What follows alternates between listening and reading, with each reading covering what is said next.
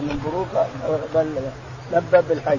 وجابر يقول هل في مكان صلاته لما صلى وانتهت الصلاة أحل يعني لبى. وابن عباس وغيرهم من الصحابة كل يروي ما رأى أو سمع. فيسمع الرسول يلبي حسب الآن لبى فالروايات اختلفت كلها لأجل أنهم يسمعون الرسول عليه الصلاة والسلام. كل سمعه في حالة من الحالات وذكر الحالة. وظن أنه لم يلبي قبلها أو لم يحرم قبلها بينما أحرم في مصلى بعدما صلى الفجر أحرم عليه نوى عليه الصلاة والسلام. والمقصود بالإحرام النية أنه نهى نوى القراءة نوى, نوى النسك وهو في مصلاه بعدما صلى والتفت على الناس لبى نوى مصلى. هذا حديث جابر الذي في مسلم الطويل. يقول رحمه الله البخاري حدثنا أبو عاصم. أبو عاصم بن نبيل الضحاك بن مخلد قال قال أخبرنا ابن جريج. ابن جريج عبد الملك قال قال عن صالح بن كيسان. عن صالح بن كيسان عن نافع عن ابن عمر. عن نافع عن ابن عمر.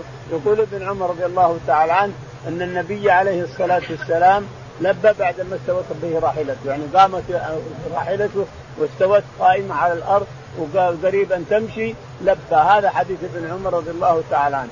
لكن غيره يخالفه في هذا نعم. باب الهلال مستقبل القبلة. قال رحمه الله وقال أبو معمر حدثنا عبد الوارث قال حدثنا أيوب النافع أنه قال كان ابن عمر رضي الله عنهما إذا صلى بالغداة بذي الحليفة أمر براحلته فرحلت ثم ركب. فإذا استوت به استقبل القبلة استقبل القبلة قائما ثم لبي حتى يبلغ المحرم ثم يمسك حتى إذا جاء زيتها فات بها حتى يسبه فإذا صلى الغداة اغتسل وزعم أن رسول الله صلى الله عليه وسلم فعل ذلك تابعه إسماعيل عن أيوب في الغسل. يقول البخاري رحمه الله حدثنا باب الإهلال مستقبل القبلة. باب الإهلال مستقبل القبلة. يعني إذا أراد أن يلبي استقبل القبلة بناقته. هذا حديث ابن عمر رضي الله تعالى عنه ولم يتابعه أحد من الصحابة رضي الله عنهم أجمعين مع أن الحج اللي حجوا مع الرسول آلاف مؤلفة. ما ذكر أحد الذي وافق ابن عمر على هذا الرأي. أن الناقة يصرفها على الكعبة ثم يلبي ثم يمشي. ما في أحد وافق ابن عمر رضي الله عنه. وإنما اجتهاد منه رضي الله عنه وأرضاه. أو إنه راى رأى أن الرسول مر مره أدار وبعدين مشى. جائز هذا كله. لكن الصحابة المهاجرون والأنصار وجميع الحجاج اللي مع الرسول ما حد ذكر أنه استقبل القبلة عند التلبية. إلا ابن عمر كما تسمعون. يقول البخاري رحمه الله حدثنا أبو معمر. أبو معمر. قال حدثنا عبد الوارث. عبد الوارث. قال حدثنا أيوب عن نافع عن أيوب عن نافع عن ابن عمر أنه ذكر أن النبي عليه الصلاة والسلام يقول نافع إن ابن عمر نفسه كان إذا أراد أن يلبي استقبل الكعبة وينسب ذلك إلى الرسول عليه الصلاة والسلام. قال كان ابن عمر إذا صلى بالغداة ذي الحليفة أمر براحلته فرحلت ثم ركب فإذا استوت به استقبل القبلة قائما ثم يلبي. يقول كان بالحليفة فإذا أراد أن يستقبل أن يلبي استقبل القبلة فلبى يعني بالحليفة يبيت بالحليفة ثم يراد إذا أراد أن يدخل في الإحرام وينوي الإحرام ويلبي لأن الإحرام نية ولفظا. الإحرام نية ولفظ تتلفظ بالتلبية. بما تريد من المناسك وتنويه بقلبك. ما تنويه بقلبك تتلفظ به. فنويت حجا تقول لبيك حجا نويت قرآن تقول لبيك حجا عمرة. لبيك مثلا تمتع إلى آخره. نعم. فإذا استوت به يقول استقبل القبلة ولبى نعم. حتى يبلغ المحرم. حتى يبلغ المحرم. نعم. قال ثم يمسك. ثم يمسك. إذا بلغ المحرم أو بلغ الحرم أمسك عن التلبية. ثم أتى إلى ذي طوى هذا الذي قدام مستشفى الولادة. الآن فوق عمارة كبيرة والبيت تحته. عند مستشفى الولادة هنا. إذا أتى برطوع بن عمر رضي الله عنه بات بها ليلة ثم اغتسل من الصباح ثم دخل مكة. وينسب ذلك إلى النبي عليه الصلاة والسلام أن الرسول عليه الصلاة والسلام بات بذي طوى ثم اغتسل ثم أتى الكعبه. هذا سنة. اغتسالات مكة ثلاثة أو أربعة. إذا أراد الانسان يفعلها فليفعلها سنة واذا تركها ما في شيء. قال رحمه الله حدثنا سليمان بن داود بن ربيع قال حدثنا فليح نافع قال كان ابن عمر رضي الله عنهما إذا أراد الخروج إلى مكة دهن بدون ليس له رائحة طيبة ثم يأتي مسجد ذو الحليفة فيصلي ثم يركب فإذا استوت براحلته قائمة أحرم ثم قال هكذا رأيت النبي صلى الله عليه وسلم يفعل. يقول البخاري رحمه الله حدثنا سليمان بن داود. سليمان بن داود ابو الربيع الزهراني. قال حدثنا فليح. فليح. قال حدثنا نافع. نافع عن ابن عمر انه كان يرخى اذا اراد ان يخرج من المدينة دهن رأسه ووجهه بدهن ليس له له ريح ثم أتى الحليفة فبات بها ثم لما يصبح يركب ناقته ثم يلبي وهي قائمة. استقبل القبلة ويلبي وهي قائمه وينسب هذا إلى الرسول عليه الصلاة والسلام. نعم. باب التلبيات إذا انحدر في الوادي. قال رحمه الله حدثنا محمد بن المثنى. قال حدثني ابن أبي عدي عن ابن عون عن مجاهد أنه قال كنا عند ابن عباس رضي الله عنهما فذكروا الدجال أنه قال مكتوب بين عينيه كافر. فقال ابن فقال ابن عباس رضي الله عنهما لم أسمعه ولكنه قال أما موسى كاني أنظر إليه إذا انحدر في الوادي يلبي. يقول البخاري رحمه الله باب الانحدار في الوادي التلبية في الوادي يعني وادي العقيق. يقول حدثنا محمد بن المثنى. محمد بن المثنى قال حدثنا ابن أبي عدي. ابن أبي عدي قال عن ابن عون عن ابن عون عبد الله قال عن مجاهد. عن مجاهد بن جبر قال قال كنا عند ابن عباس رضي الله عنه فذكروا الدجال أنه قال مكتوب بين يديه كافر يقول كنا عند ابن عباس رضي الله تعالى عنهما فتذاكروا الدجال؟ فقال لم أسمع أن قال إن الرسول عليه الصلاة والسلام قال إنه كافر مكتوب بين عينيه كافر يعني واضح يقرأه كل قارئ. وأنه يقول رأيت موسى يلبي مع هذا الوادي من حيرة منحدرا مع هذا الوادي. يقول أما الدجال لم أسمعه. ابن عباس يقول ما سمعت كلام الدجال. كلام الرسول بالدجال ما سمعته. لكن حدار موسى مع الوادي نعم. سمعت إن موسى انحدر مع هذا الوادي يعني وادي إبراهيم. نعم. باب كيف تهل الحائض والنفساء قال رحمه الله أهل تكلم به واستهللنا وأهللنا الهلال كله من الظهور واستهل المطر. خرج من السحاب وما أهل لغير الله به وهو من, است... من وهو من استهلال الصبي. قال رحمه الله دثنا عبد الله بن مسلمة قال حدثنا مالك بن شهاب بن عروة بن الزبير عن عائشة رضي الله عنها زوج النبي صلى الله عليه وسلم قالت خرجنا مع النبي صلى الله عليه وسلم في حجة الوداع فهللنا بعمرة. ثم قال النبي صلى الله عليه وسلم من كان معه هدي فليهل بالحج مع العمرة ثم لا يحل حتى يحل منهما جميعا. فقدمت مكة وأنا حائض ولم أطف في البيت ولا بين الصفا والمروة. فشكوت ذلك إلى النبي صلى الله عليه وسلم فقال انقضي رأسك وامتشطي وأهلي بالحج ودعي العمرة. ففعلت فلما قضينا الحج أرسلني النبي صلى الله عليه وسلم مع عبد الرحمن بن أبي بكر الصديق رضي الله عنهما إلى التنعيم فاعتمرت فقال هذه مكان عمرتك قالت فطاف الذين كانوا حلوا بالعمرة بالبيت وبين الصفا والمروة ثم حلوا ثم طافوا طوافا واحدا بعد أن رجعوا من منى وأما الذين جمعوا الحج والعمرة فإنما طافوا طوافا واحدا. يقول البخاري رحمه الله باب كيف تهل الحائض والنفساء؟ كيف تهل الحائض والنفساء؟ هل تهل بعمرة يجوز؟ نعم يجوز.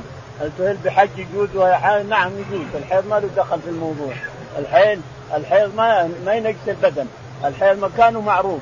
ولا ينقص البدن. ولا يفسد الحج ولا يفسد العمرة، تعتمر مع الحائض وتعتمر اللي تريد حج ولو هي حائض، الحيض ما له دخل في الموضوع اطلاقا. يقول رحمه الله حدثنا قال أهل تكلم به. أهل تكلم. هو الإسراء الصراخ. الإهلال هو الصراخ الصياح في التلبية. سهل الطفل يعني صرخ صاحة اللي يصير. صرخ. فهو الاستهلال هو الصراخ والصياح في التلبية وصياح الطفل وصياح الأشياء هذه يقال أنه أهل فلان يعني صرخ. نعم. واستهل المطر خرج من السحاب. استهل خرج من السحاب نزل من إلى السماء. واستهللنا نعم واستهل واستهللنا. وأهللنا الهلال كله من الظهور. استهلنا واستهللنا وأهللنا الهلال يعني رأينا الهلال. كله جائز هذا كله من التصريف. قال حدثنا عبد الله بن مسلم. حدثنا عبد الله بن مسلمه قال قال حدثنا مالك. حدثنا مالك بن أنس الإمام. قال حدثنا ابن شهاب. ابن شهاب الزهري. عن عروة عن عائشة. عن عروة عن عائشة رضي الله تعالى عنها قالت نعم. خرجنا مع النبي صلى الله عليه وسلم في حجة الوداع فأهللنا بعمرة. خرجنا مع النبي عليه الصلاة والسلام في حجة الوداع فمنا من أهل بعمرة ومنا من أهل بعمرة وحج. ومنا من أهل بحج مفرد إلى آخره. ومشى الناس على هذه الطريقة حتى وصلوا إلى المروة كما في صحيح مسلم ويأتينا بعضه في البخاري. لما وصلوا المروة هنا وطافوا وسعوا قال لهم الرسول عليه الصلاة والسلام حلوا. فلما قال حلوا استنكروا لأن ما في عمرة إلا في في سفر عند العرب ما في عمرة إلا إذا انسلخ سفر. أما عمرة في القاعدة أو عمرة في الحجة ما يصير هذا. فقال لهم افعلوا ما أمرتكم به. فحل المسلمون كافة حلوا الحل كله وجلسوا أربعة أيام بمكة كما سيأتي مفصلا. نعم. قال فشكوت ذلك للنبي فقال انقضي رأسك وامتشطي تقول عائشة إنها حاضت بسرف. لما وصلت سرف وهو جبل ميمونة هنا لما وصلت سرف حاضت. فلما حاضت ما هي ما ظنت إنها تحيض وهي محرمة بعمرة. قال انقضي عمرتك وادخل الحج على العمرة. ادخل الحج لتكوني قارنة يعني. تكون قارنة تدخل الحج على العمرة. في معتمرة فادخل الحج على العمرة لتكوني قارنة. فمشطت رأسها وادخل الحج وهون عليها أن هذا شيء يحتاج بني آدم. هذا شيء من بني انت ربنا تعالى كتبه على بنات آدم. فأنت من بنات آدم. لكن دخل عليه وتبكي فقال لا تبكين هذا شيء كتبه الله على بنات آدم ولا بد من الإنثى أن تحيض. ضروري. فأنت امشطي رأسك واهلي بحج وعمرة سوا سوا قارنة. أدخل الحج على العمرة. ففعلت. ثم أتت مكة. طافت. ما طافت ولا سعت بقيت حتى انصرفوا من عرفات. فطهرت وطافت وسعت للحج والعمرة. فقال لها الرسول عليه الصلاة والسلام طوافك هذا وسعيك هذا يكفيك عن الحج والعمرة؟ لاحظ. قال لها طوافك هذا وسعيك هذا يكفيك عن الحج والعمرة؟ قالت لا. في الآخر قالت لا. لابد من عمرة الحالة وحج الحاله. يرجع الناس بحج وحده وعمرة وحدها ويرجع بحج ما يصير. فأمرها من التنعيم. الشاهد إنها لما حاضت دخلت مكة الرسول عليه الصلاة والسلام لما وصل إلى المروة أمر الناس بالطواف والسعي فطاف الناس وسعوا. وهو عليه الصلاة والسلام طاف وسعى مع الناس. يعني طاف للقدوم وقدم السعي مع القدوم بحيث ما يسعى مرة ثانية. وكل من ساق الهدي من أقوياء الصحابة وأغنياء الصحابة ما ما طافوا إلا واحد. ما ما سعوا إلا سعيا واحد. وطواف واحد طواف الافاضه بس والأول طواف القدوم. وقدم السعي مع طواف القدوم عليه الصلاة والسلام. ثم أمر الناس لما وصل المروة ووقف عليها. قال للناس حلوا. استنكر الصحابة رضي الله عنهم كما سيأتي ولكنهم أطاعوا الله ورسوله فحلوا الحل كله. نعم. قالت تقول عائشة فطاف الذين كانوا حلوا بالعمرة بالبيت وبين الصفا والمروه ثم حلوا ثم طافوا طوافا واحدا بعد ان رجعوا. اي نعم. تقول عائشة رضي الله عنها تصف لنا ما فعلوا. فلما أمرهم الرسول عليه الصلاة والسلام أن يجعلوها متعة. عمره متمتعا بها إلى الحج. فطاف الذين آتوا إلى هنا طافوا طوافا وسعيا. واما رجعوا طافوا طواف الإفاضة. أما المو... القارن فلم يطف إلا طواف الإفاضة واحد مرة. إنما طاف للقدوم وقدم السعي معه. أما من تمتع فإنه طاف هنا. طاف للسعي والعمرة كما ذكرت أسماء رضي الله عنها. طفنا حججنا مع الرسول عليه الصلاة والسلام وطفنا للحج للعمرة طفنا في البيت وبالصفا والمروة. ثم رجعنا من عرفات فطفنا بالبيت وبالصفا والمروة. ومن لم يطف بالصفا والمروة ويطف مرتين فلا حج له. هذا كلام أسمى بنت أبي بكر الصديق رضي الله عنه. يقول طفنا مع الرسول عليه الصلاة والسلام للعمرة. حي طفنا بالبيت وطفنا بين الصفا والمروة. ثم لما رجعنا من عرفات طفنا بالبيت وطفنا بين الصفا والمروة. يعني متمتعين. يعني متمتع المتمتع حل فحل الصحابة رضي الله عنهم كلهم نعم. باب من أهل في زمن النبي صلى الله عليه وسلم كإلال النبي صلى الله عليه وسلم. قال ابن عمر رضي الله عنهما عن النبي صلى الله عليه وسلم قال رحمه الله دثنا المكي بن إبراهيم عن ابن جريج أنه قال قال عطاء قال جابر رضي الله عنه أمر النبي صلى الله عليه وسلم علي رضي الله عنه أن يقيم على إحرامه وذكر قول سراقة. يقول البخاري رحمه الله باب من أهل في زمن النبي صلى الله عليه وسلم من في زمن النبي عليه السلام عليه الصلاة والسلام كاهلال النبي. علي رضي الله تعالى عنه أتى من اليمن من 37 بدنة. وأبو موسى الأشعري أتى من اليمن أيضا محرم كإحرام الرسول. وعلي محرم كإحرام الرسول. فرق بينهم الرسول لاحظ. اللي معه بدنة وهو علي رضي الله عنه أبقاه كما كان على ما عليه الرسول عليه الصلاة والسلام وهو أن يبقى بإحرامه قارنا حتى ينحر الهدي. أما أبو موسى ما منه هدي قال حل إلى الصحابه حل حل بالعمرة وبين الصفا والمروة ويقول ذهب إلى واحد من قومه بينهم رضاعة فمشط رأسه إلى اخره نعم. قال حدثنا المكي بن إبراهيم. حدثنا المكي يقول البخاري رحمه الله حدثنا المكي بن إبراهيم قال حدثنا ابن جريج. ابن جريج قال قال لي عطاء بن أبي رباح نعم. قال جابر رضي الله عنه أمر النبي صلى الله عليه وسلم عليا أن يقيم على احرامه وذكر قوله. يقول جابر رضي الله عنه إن إن النبي عليه الصلاة والسلام أمر عليا أن يقيم على إحرامه، ليش؟ لأنه ساق الهدي.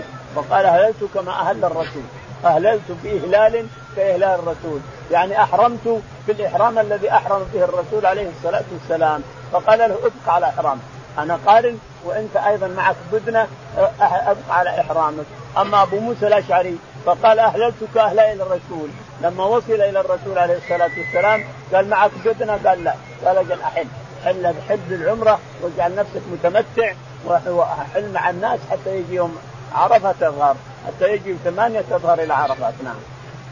معنى هذا أن اللي ما ساق الهدي الأفضل له أن يجعلها متعة. يعني أنت قرنت يا الإنسان لكن ما معك هدي ولأنك نويت القرآن. الأفضل أن تجعلها متعه وتحل الانسان بعمرة ثم تحل بحج بعد ذلك. هذا هو الأفضل نعم. قال رحمه الله دثنا الحسن بن علي الخلال الهذلي قال دثنا عبد الصمد قال دثنا سليم بن حيان إنه قال سمعت مروان الأصفر عن أنس بن مالك رضي الله عنه قال قدم علي رضي الله عنه على النبي صلى الله عليه وسلم من اليمن فقال بما أهللت قال بما أهل به النبي صلى الله عليه وسلم فقال لو فقال لولا أن معي الهدي لأهللت. وزاد محمد بن بكر عن ابن جريج قال له النبي صلى الله عليه وسلم بما أهللت يا علي؟ قال بما أهل به النبي صلى الله عليه وسلم. قال فهدي وامكث حراما كما أنت. يقول البخاري رحمه الله باب تابع لله من أهل في زمن النبي صلى الله عليه وسلم. من أهل بزمن النبي عليه الصلاة والسلام كاهلاله حدثنا الحسن بن علي الخلال. الحسن بن علي الخلال الحلواني. قال حدثنا عبد الصمد بن عبد الصمد. قال حدثنا سليم بن حيان. سليم بن حيان. قال قال سمعت مروان الأصفر عن أنس. يقول سمعت مروان الأصفر ويقال له الأحمر. مروان الأصفر ومروان الأحمر يسمى. قال حدثنا أنس بن مالك أنس رضي الله تعالى عنه أن النبي عليه الصلاة والسلام قال لعلي نعم. قدم علي رضي الله عنه على النبي صلى الله عليه وسلم من اليمن فقال بما أهللت قال أهللت بما أهللت. يقول إن إن علي رضي الله تعالى عنه قدم من اليمن ومعه 37 بدنه فقال أهل بما أهللت؟ قال أهللت باهلالك إهلال الرسول عليه الصلاة والسلام ابقى على حرامك قارنا أما الرسول لما جاء هنا فجعل الناس يقولوا يقول فقال للناس أهلوا. أهلوا بالعمرة واتركوا الحج، الحج اتركوه حتى يجي يجي وقته، أما الآن فيهلوا بالعمرة، فجزع الناس كل العالم. جزعوا لأنك ليش أنت بإحرامك ونحن نهل؟ فقال لو استقبلت من أمري ما استدبرت ما سقت الهدي ولا اهللت معكم. يعني ولا أحللت معكم، يعني إنه يحب موافقة الصحابة رضي الله تعالى عنهم، لكنه ساق القرآن ما يمكن، ما دام ساق القرآن ما يمكن يحل قرانه يحل إحرامه حتى يأتي يصل البدن محله حتى ينحر الهدي. الشاهد أنه قال لو هذه اللو ليش قالها وقد نهى عنها؟ الرسول يقول لا, لا تقل لو احرص على ما ينفعك واستعن بالله ولا تقل لو أني فعلت كذا وكذا لكان كذا وكذا. نهى عنها قال لا تقل لو فإنها تحت علم الشيطان. وهو الآن يقول لو استقبلت من امري ما استدبرت ما سقت الهدي ولا حكم. كيف نجمع بينهما؟ تقول إن لو إذا كانت على طاعات تندم على طاعات وحرص على الطاعات وحرص على مع طاعة الله تعالى وتقدس فإنها جائزة. أما إذا كانت لعاب الدنيا فهي ليست جائزة لأنها تفتح عن الشيطان. والشيطان لا يدخل إلا بأعمال الدنيا.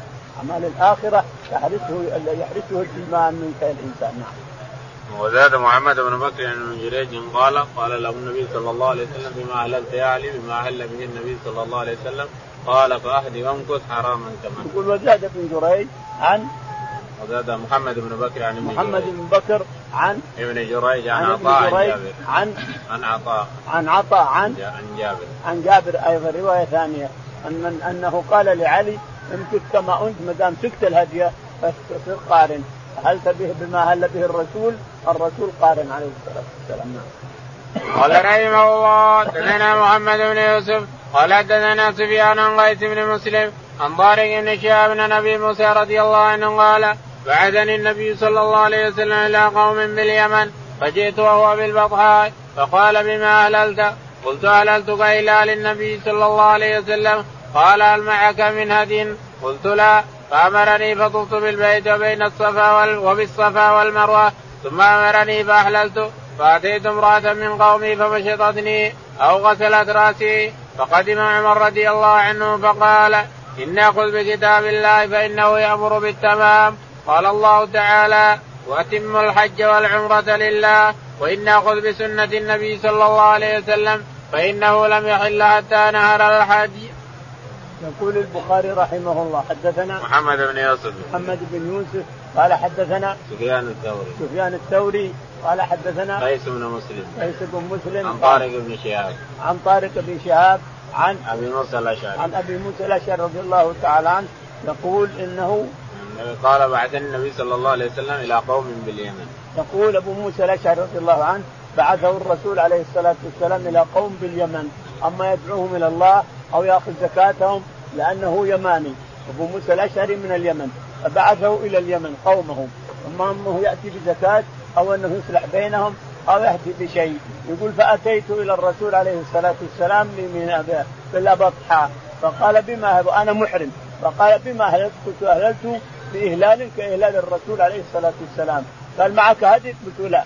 قال لا اذهب فطف بالبيت وطف بين الصفا والمروة ثم أحلق رأسك وحل التحلل كله. معنى هذا أن كل من أتى مفردا بالحج أو أتى قارنا وهو ليس معه هدي فإنه الأفضل له أن يحل. لأن التمتع أفضل الانساك كلها كما أمر الرسول عليه الصلاة والسلام.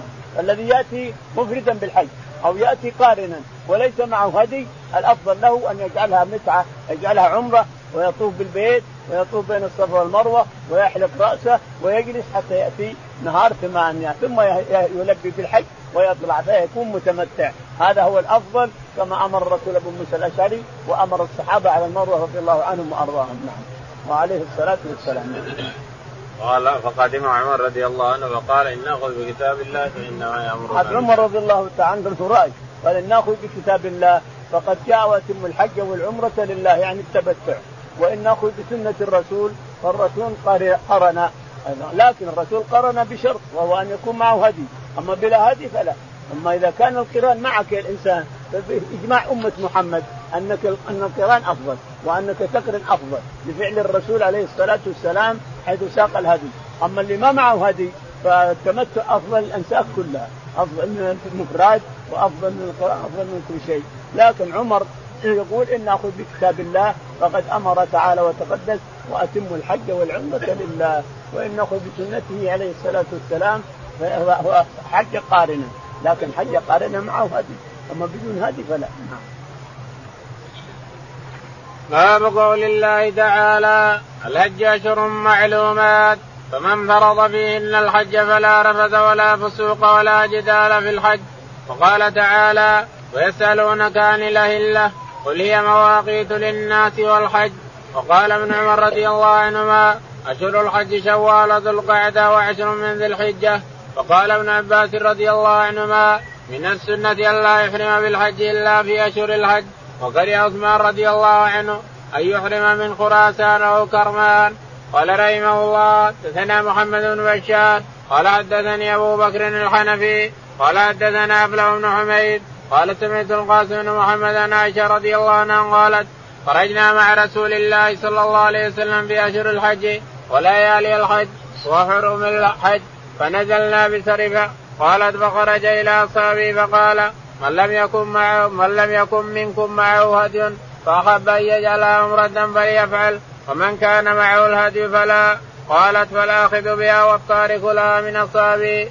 قالت فأما رسول الله صلى الله عليه وسلم ورجال من أصحابه فكانوا على قوة وكان معهم الهدي فلم يقدروا على العمرة. قالت فدخل علي رسول الله صلى الله عليه وسلم وأنا أبكي. فقال ما يبكيك يا أنت؟ قلت سمعت قولك لأصحابك فمنعت العمرة؟ قال وما شأنك؟ قلت لا أصلي. قال فلا يضيرك إنما أنت امرأة من بنات آدم. كتب الله عليك ما كتب عليهن فكوني في حجتك فعسى الله يرزقك إياها.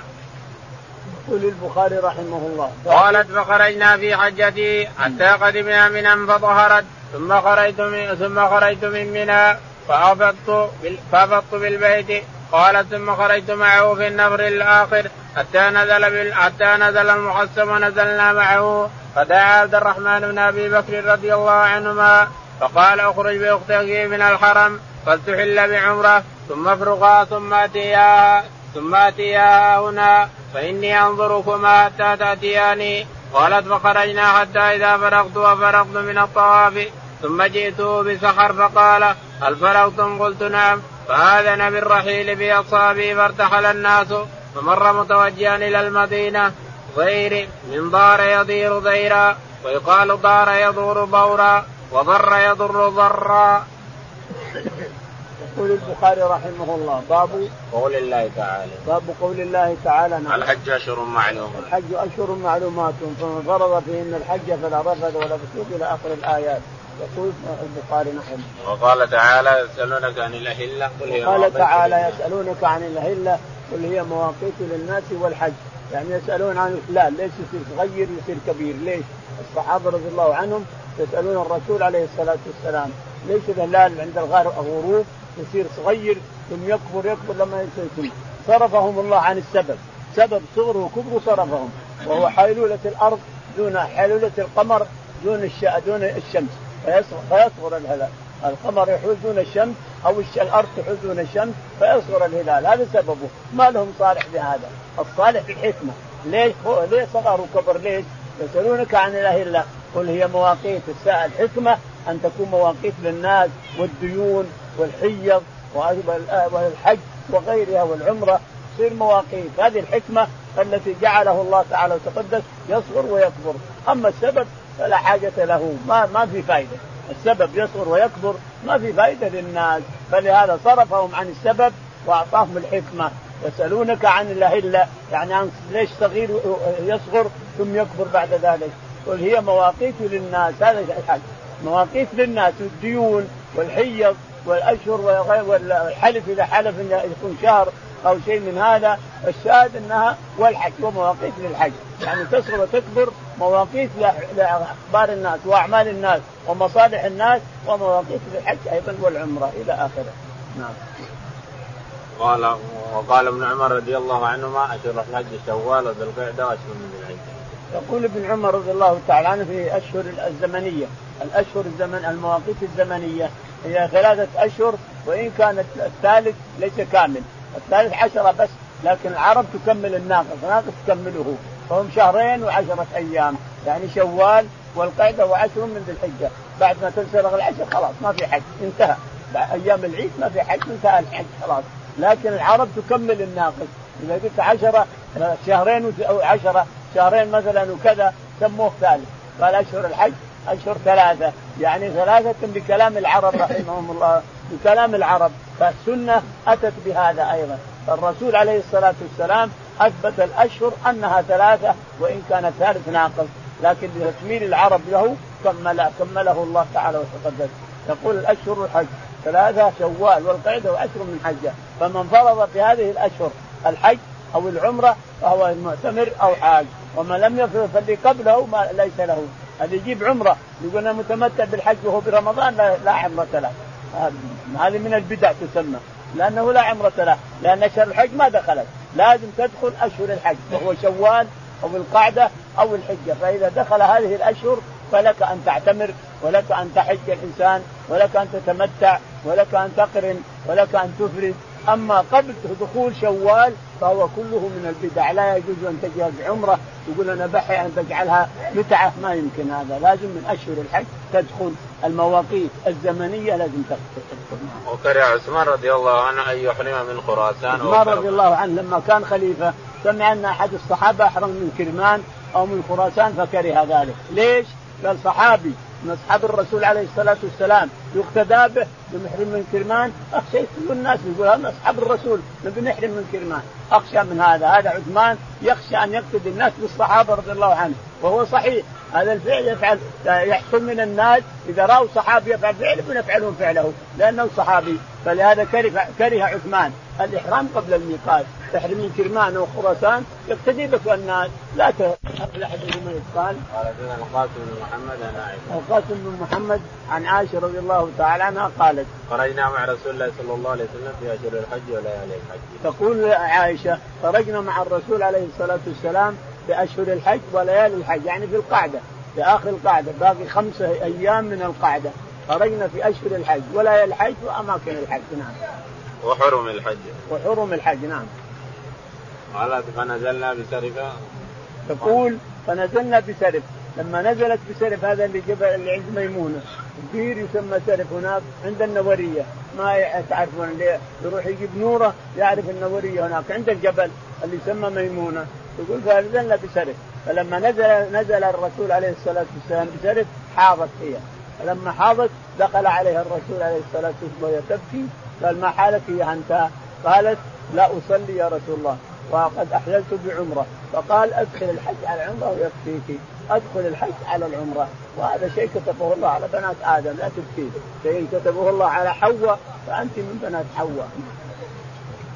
قالت فخرج لما وصلنا الصريف قال اصطر فخرج إلى أصحابه فقال من لم يكن منكم معه هدي فأحب أن يجعل عمرة فليفعل. ومن كان تقول عائشة إن الرسول عليه الصلاة والسلام خرج على الناس بسرف وهذا لم يثبت. الذي ثبت أنه قاله بالمروة. قاله لما أتى عليه الصلاة والسلام وصل المروة هنا. هذا حديث جابر الطويل. لما وصل المروة هنا وطاف عليه الصلاة والسلام وسعى وبقي على إحرامه. قال للناس حلوا فقال الناس كيف نحل؟ قال الحل كله. جعلوها عمرة. كيف عمرة؟ والعرب تحرم إن هذا وحي ينزل ما عرب وما عرب. وحي ينزل من السماء. فأطاعوا وقالوا سمعا وطاعة. فحلوا الحل كله حتى أفضوا إلى نسائهم. أربعة أيام حلال الحل كله حتى أفضوا إلى النساء. ويوم ثمانية أحرموا بالحج. الرسول بقي تعالى وتقدس. هو الرسول عليه الصلاة والسلام بقي هو أقوياء من الصحابة. مثل طلحة بن عبيد الله ومثل أبي بكر الصديق رضي الله عنه. كل من ساق الهدي من الصحابة بقي على إحرامه قارنا كما فعل الرسول. ومن ليس له معه هدي أمرهم بالإحلال جميع من هم فيه. أما بسرف هي اللي حاضت بسرف والظاهر أنه وهم انها إنه أمرهم بسرف أمرهم على المرضى لما طافوا وسعوا قبل أن يطوفوا ويسعوا ما تكلم بشيء نعم. قالت فالاخذ بها والتارك لها من أصحابه. فالاخذ بها يعني بالعمرة والتارك لها من أصحاب الرسول عليه الصلاة والسلام لا كلهم سمعوا وأطاعوا على المروه كلهم قالوا سمعا وطاعه نعم. قالت فاما رسول الله صلى الله عليه وسلم ورجال من أصحابه فكانوا على قوه وكانوا معه الهدي. تقول اما رجال الرسول عليه الصلاة والسلام ورجال من اصحابه أبي بكر الصديق رضي الله عنه وطلحة بن عبيد الله ومن والأغنياء الأقوياء في المال بقوا على إحرامهم كإحرام الرسول عليه الصلاة والسلام. وأما من لم يسك الهدي فحلوا الحل كله. نعم. قالت فخرجنا في حجته حتى قدمنا منى فطهرت ثم خرجت من منى فأفضت بالبيت قالت ثم خرجت معه في النهر الآخر حتى نزل المحصن ونزلنا معه فدعا عبد الرحمن بن أبي بكر قال أخرج تقول إننا فعلنا المناسك المناسك كلها إلا هي هي ما طافت بالبيت لما راح ظهروا إلى منى. يوم ثمانية أحرموا خرج الرسول عليه الصلاة والسلام بالحج بالحجاج اللي معه خرجوا إلى منى. ثم صلى خمس فروض صلى الظهر والعصر قصرا قصر بلا جمع. وصلى المغرب والعشاء قصرا بلا جمع وصلى الفجر. ولما طلعت الشمس تسعة ضرب الطريق الأيمن. الطريق الأيمن يسمى طريق طريق رب خرج منه حتى أشرف على عرفات من يمين من عند العبدية عند حربات الان لا لفيت لو وصلت العبدية عن النخل الحدائق والعيون اللي معيمنك معيشرك حربتين إذا تعديت الإنسان تبينت بطحاء عرفات تبينت لك عرفة كلها. نزل عليه الصلاة والسلام بعدما لف على بر بطحاء عرفة إنزل وضربت له الخيمة القبة الحمراء وبقي هناك بنو العباس خلفاء بني العباس بنوا قصر كبير في مكان الخيمة. إلى الآن بقيت جثمه القصر هذا. انهدم القصر أو هدم بقيت كسمته وحجارته بقي إلى الآن. ساعة ما تلف من الهضبتين شوف القصر أو الحجارة اللي بقيت إلى الآن. كانوا يقيلون بالقصر. الخلفاء كانوا يقولون أما الرسول عليه الصلاة والسلام فبنيت القبة الحمراء يعني لا في نمرة ولا في عرفة. خارج خارج نمرة وخارج عرفة وخارج الحرم أيضا. بنيت له القبة وجلس فيها حتى أذن الظهر. ثم ركب ناقته القصوى عليه الصلاة والسلام ثم رحلها وذهب إلى نمرة بطحى ذلك اليوم. مسجد نمرة بطحى. ثم وقف عليه. تعدى عرنه الوادي اللي ممنوع الوقوف فيه تعدى. ثم وقف في جانبه من جهة عرفة ثم استقبل القبلة وخطب الناس في المسجد الآن اللي يسمى مسجد نمرة. خطب الناس عليه الصلاة والسلام ولما انتهى من الخطبة ذهب إلى عرفات ووقف حتى غابت الشمس حتى راحت راح قرص من الشمس. يعني ضروري أن تجمع بين الليل والنهار الإنسان. ولهذا عند مالك رحمه الله ركن من أركان الحج أن تجمع بين الليل والنهار في عرفات. ولا ما يصح لك حج. الثلاثة يقولون أن الرسول عليه الصلاة والسلام رخص لكثير للرعاة ورخص للمشاة ورخص لكثير من الناس قبل أن تغرب الشمس. لكن مالك يقول لا هذا فعل الرسول وقال خذوا عني مناسككم فلا يصح حج إنسان ما جمع بين الليل والنهار. ومالك في رأي أحسن. نعم.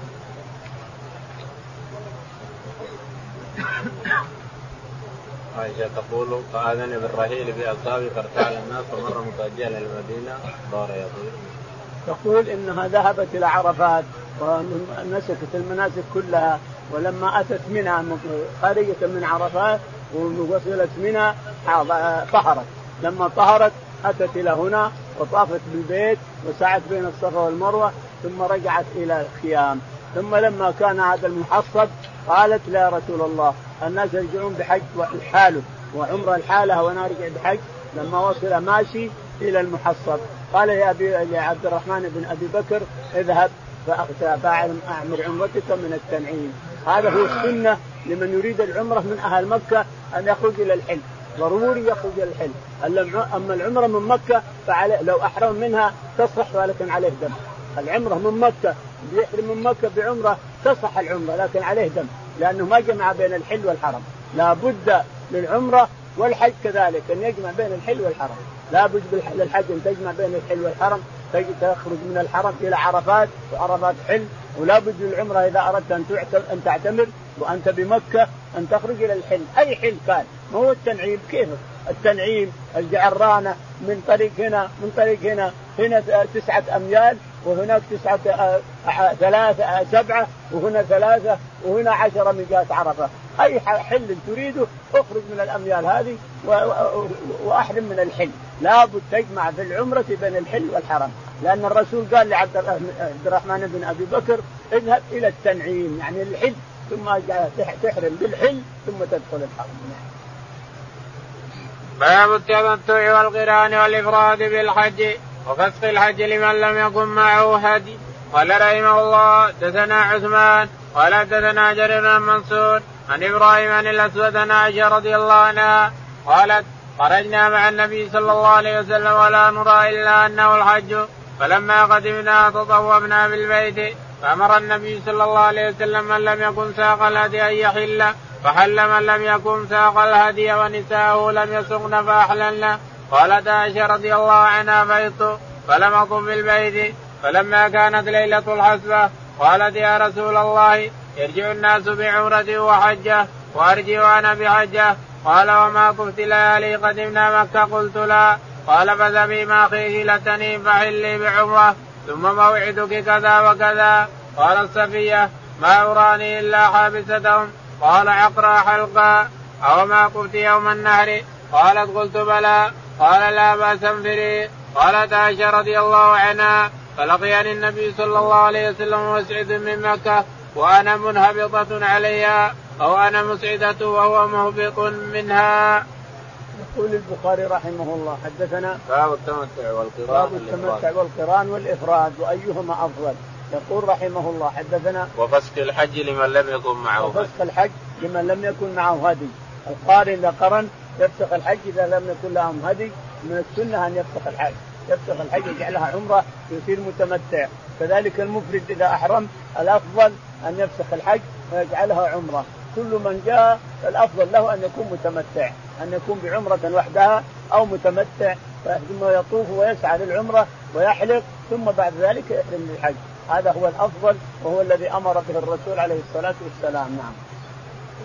قال حدثنا عثمان بن عبد الله. يقول حدثنا عثمان. قال حدثنا جرير. جرير. قال عن منصور. عن منصور بن المعتمر عن إبراهيم بن يزيد. عن إبراهيم بن يزيد النخعي. عن الأسود. عن الأسود بن يزيد النخعي قال عن عائشة. عن عائشة رضي الله تعالى عنها قالت نعم. خرجنا مع النبي صلى الله عليه وسلم ولا نرى إلا أنه الحج. يقول خرجنا من المدينة مع الرسول عليه الصلاة والسلام لحجة الوداع لحجة الوداع للحج. يقول ولا نرى إلا إنه الحج فقط. ما نرى الناس إلا قران اللي معه هذه وإلا آه، مفرد. أما عمرة عمرة فلا يشعرون بها ولا تطري على الناس لأنها محرمة في عند العرب. عند العرب يحرمونها ما يعتمرون إلا بسفر. إذا برأ الدبر وظهر القمر وما أدري وش تقول. إذا برأ الدبر وعف الأثر. إذا برأ الدبر إذا برأ الدبر. وعف الأثر. الدبر يعني الجرح. اللي يكون على البعير. الجرح ما يبرى إلا بإذن الله في القير الجرح هذا اللي يصير على سنام البعير من الشداد هذا الشداد يحطه على السنام على الناقه أو شيء تنجرح بإذن الله يصير فيها دم جرح يمشي دم. فيقول يقول العرب إذا بري هذا ما يبرأ إلا في القير بإذن الله. فإذا برئ الدبر يعني في صفر. إذا برأ الدبر وعفى الأثر. وعفى الأثر يعني من الهواء من الهواء السموم. قال وعفى الأثر. وجاء وجاء هل سفر حلت العمرة لمن اعتمر لكن الشريعة والسنة أتت ببطلان هذا كله. أي وقت تريد أن تعتمر تعتمر الإنسان. أي وقت. ما في حد محدود للعمرة. أي وقت تريد أن تعتمر فلك أن تعتمر. اعتمر الرسول عليه الصلاة والسلام ثلاث عمر كلها في القعدة في 16 في القعدة لما أحصر 16 في القعدة من سنة ست. ثم جاء وطاف ثلاثة أيام وسعى. سنة سبع 16 16 ذي القعدة أيضا. ثم حجة الوداع كما هي فالشاهد أن العمرة طول السنة مباحة لك الإنسان. المسلم أي وقت يريد أن يأتي بعمرة إلا المكي فلا يسن له تتبع العمرة. وكذلك تتابع العمرة الأفاقي كونه يعتمر ثم يعتمر ثم ينتهي ممنوع عند كثير من العلماء. إنما تعتمر وتكثر الطواف بالبيت. تعتمر تطوف وتسعى وتقصر ثم تكثر الطواف بالبيت لأن الله يقول تعالى وتقدس وليطوفوا بالبيت العتيق. فالبيت أفضل من أن تجيب عمرة من التنعيم أفضل. لأن هذا كل طوفة تطوفها. سبعة أشواط. تصلي ركعتين كأنك اعتقت رقبة من بني إسماعيل عليه الصلاة والسلام. اعتقت رقبة. كأنك اعتقت شوف العتق كيف. أفضل من العمرة كثير. فالطواف بالبيت أفضل. من العمرة وتتابع العمره تجيب عمرة ما حليت. لكن تجيب عمرة ثانية لا. تجيب عمرة ثالثة ممنوع. لأن الطواف بالبيت أفضل. نعم. قال فلما قدمنا تطولنا بالبيت فأمر النبي صلى الله عليه وسلم من لم يكن ساق الهدي أن يحل فحل من لم يكن ساق الهدي. تقول فلما قدمنا طاف الناس بالبيت وسعوا بين الصفا بالمروة قال للناس من لم يكن معه هدي فليحل. هذا كلامها التي هو في صحيح مسلم. ثم كلامها الأول أنها بشرف خيرهم الرسول فهو وهم. إنما هنا صحيح. كلام هذا أنه لما طاف بالبيت عليه الصلاة والسلام وطاف الناس معه وسعى بين الصفا والمروة هو طاف للقدوم والناس طافوا للعمرة. وسعى بين الصفا والمروة أمر الناس أن يقصوا أن يحلقوا رؤوسهم أو يقصوا. وقال رحم الله المحلقين ثم قال المقصرين ثلاث مرات ثم المقصرين الرابعة. ثم قال حلوا الحل كله. الحل كله نعم. أربعة أيام هذه حلوا الحل كله. قال نذهب إلى منى. ومذاكين تقتل مني قال نعم حلوا الحل كله. فحلوا حتى على النساء حتى حلت لهم النساء إلى ثمانية من ذي الحجة. لما جاءت ثمانية من الحجة وتضاح النهار الساعة تسع في يومنا هذا مثلا خرج عليه الصلاة والسلام إلى منى وخرج الناس وخرج الناس معه وصلى الظهر والعصر والمغرب والعشاء والفجر في منى قصرا بدون جمع. الظهر والعصر قصرا بدون جمع. والمغرب والعشاء قصرا بدون جمع والفجر. ويقول شيخ الإسلام هذا نسك ينبغي للمسلم أن يقصر ويجمع حتى حتى من أهل مكة. حتى لو أنت من سكان مكة؟ طلعت إلى منى تقصر الصلاة في أيامنا وأيام خروجك من مكة. حتى لو أنت من أهل مكة. هذا مذهب كثير من العلماء. لكن المذاهب الأربعة بأجمعها يقولون لا. إذا صرت من أهل مكة لازم تتم أربع الظهر أربع والعصر أربع والعشاء أربع والمغرب ثلاث والفجر اثنتين لازم تتم لأنك من أهل البلد. أنت من أهل البلد اللي فيها ومنها من مكة. ما, ما يعتبر من غير مكة من مكة. فلا تقصر الإنسان لكن تجد ولا تجمع لا قصر ولا جمع. ونساءه لم يسقن فأحللنا تقول إن المسلمين كافة حلوا ونساؤنا لم ونساؤه نساؤه التسع. لم يسقن فأهللنا مع الناس وذبح عنهن البقر أهدى عنهن في منى البقر. لما ذبح 63 بدنة عليه الصلاة والسلام بيده أهدى للنساء البقر. تسع بقر. قالت عائشة فحدت فلم أقوم البيت فلما كان ليله الحصبة قال يا رسول الله قلت قالت يا رسول الله يرجع الناس بعمرتي وحج وأرجع أنا بحج. يقول عائشة رضي الله تعالى عنها لما وصلت سرف حبت وأخبرنا بالقصة اللي مضت إنها قال لها هذه بنات آدم. هذا بلوى. ابتلى الله بنات حواء بنات آدم. لكن ادخل الحج على العمرة. تقول فجلست بحيضتي حتى انصرفوا من عرفات ووصلوا منها فطهرت. ثم نزلت وطافت وسعت وحلقت من رأسها وانتهت منه. فقال لها الرسول عليه الصلاة والسلام هذه الطواف هذا والسعي هذا يكفيك عن حجك وعمرتك. قالت لا. الناس يرجعون بحج لحاله وعمره لحالها. وأنا أرجع بحج؟ ما يمكن. طيب انت الحين قارنه قال انت طفتي وسعيتي وقصيتي عن الحج والعمرة. قالت لا لازم كل شيء مفرد لحاله مثل الناس. قال اذهب بها لما رجع عليه الصلاة والسلام من منى إلى المحصب عند الحجول الآن قال له يا عبد الرحمن اذهب بها إلى التنعيم فأتي بعمرة أنت وهي. نعم.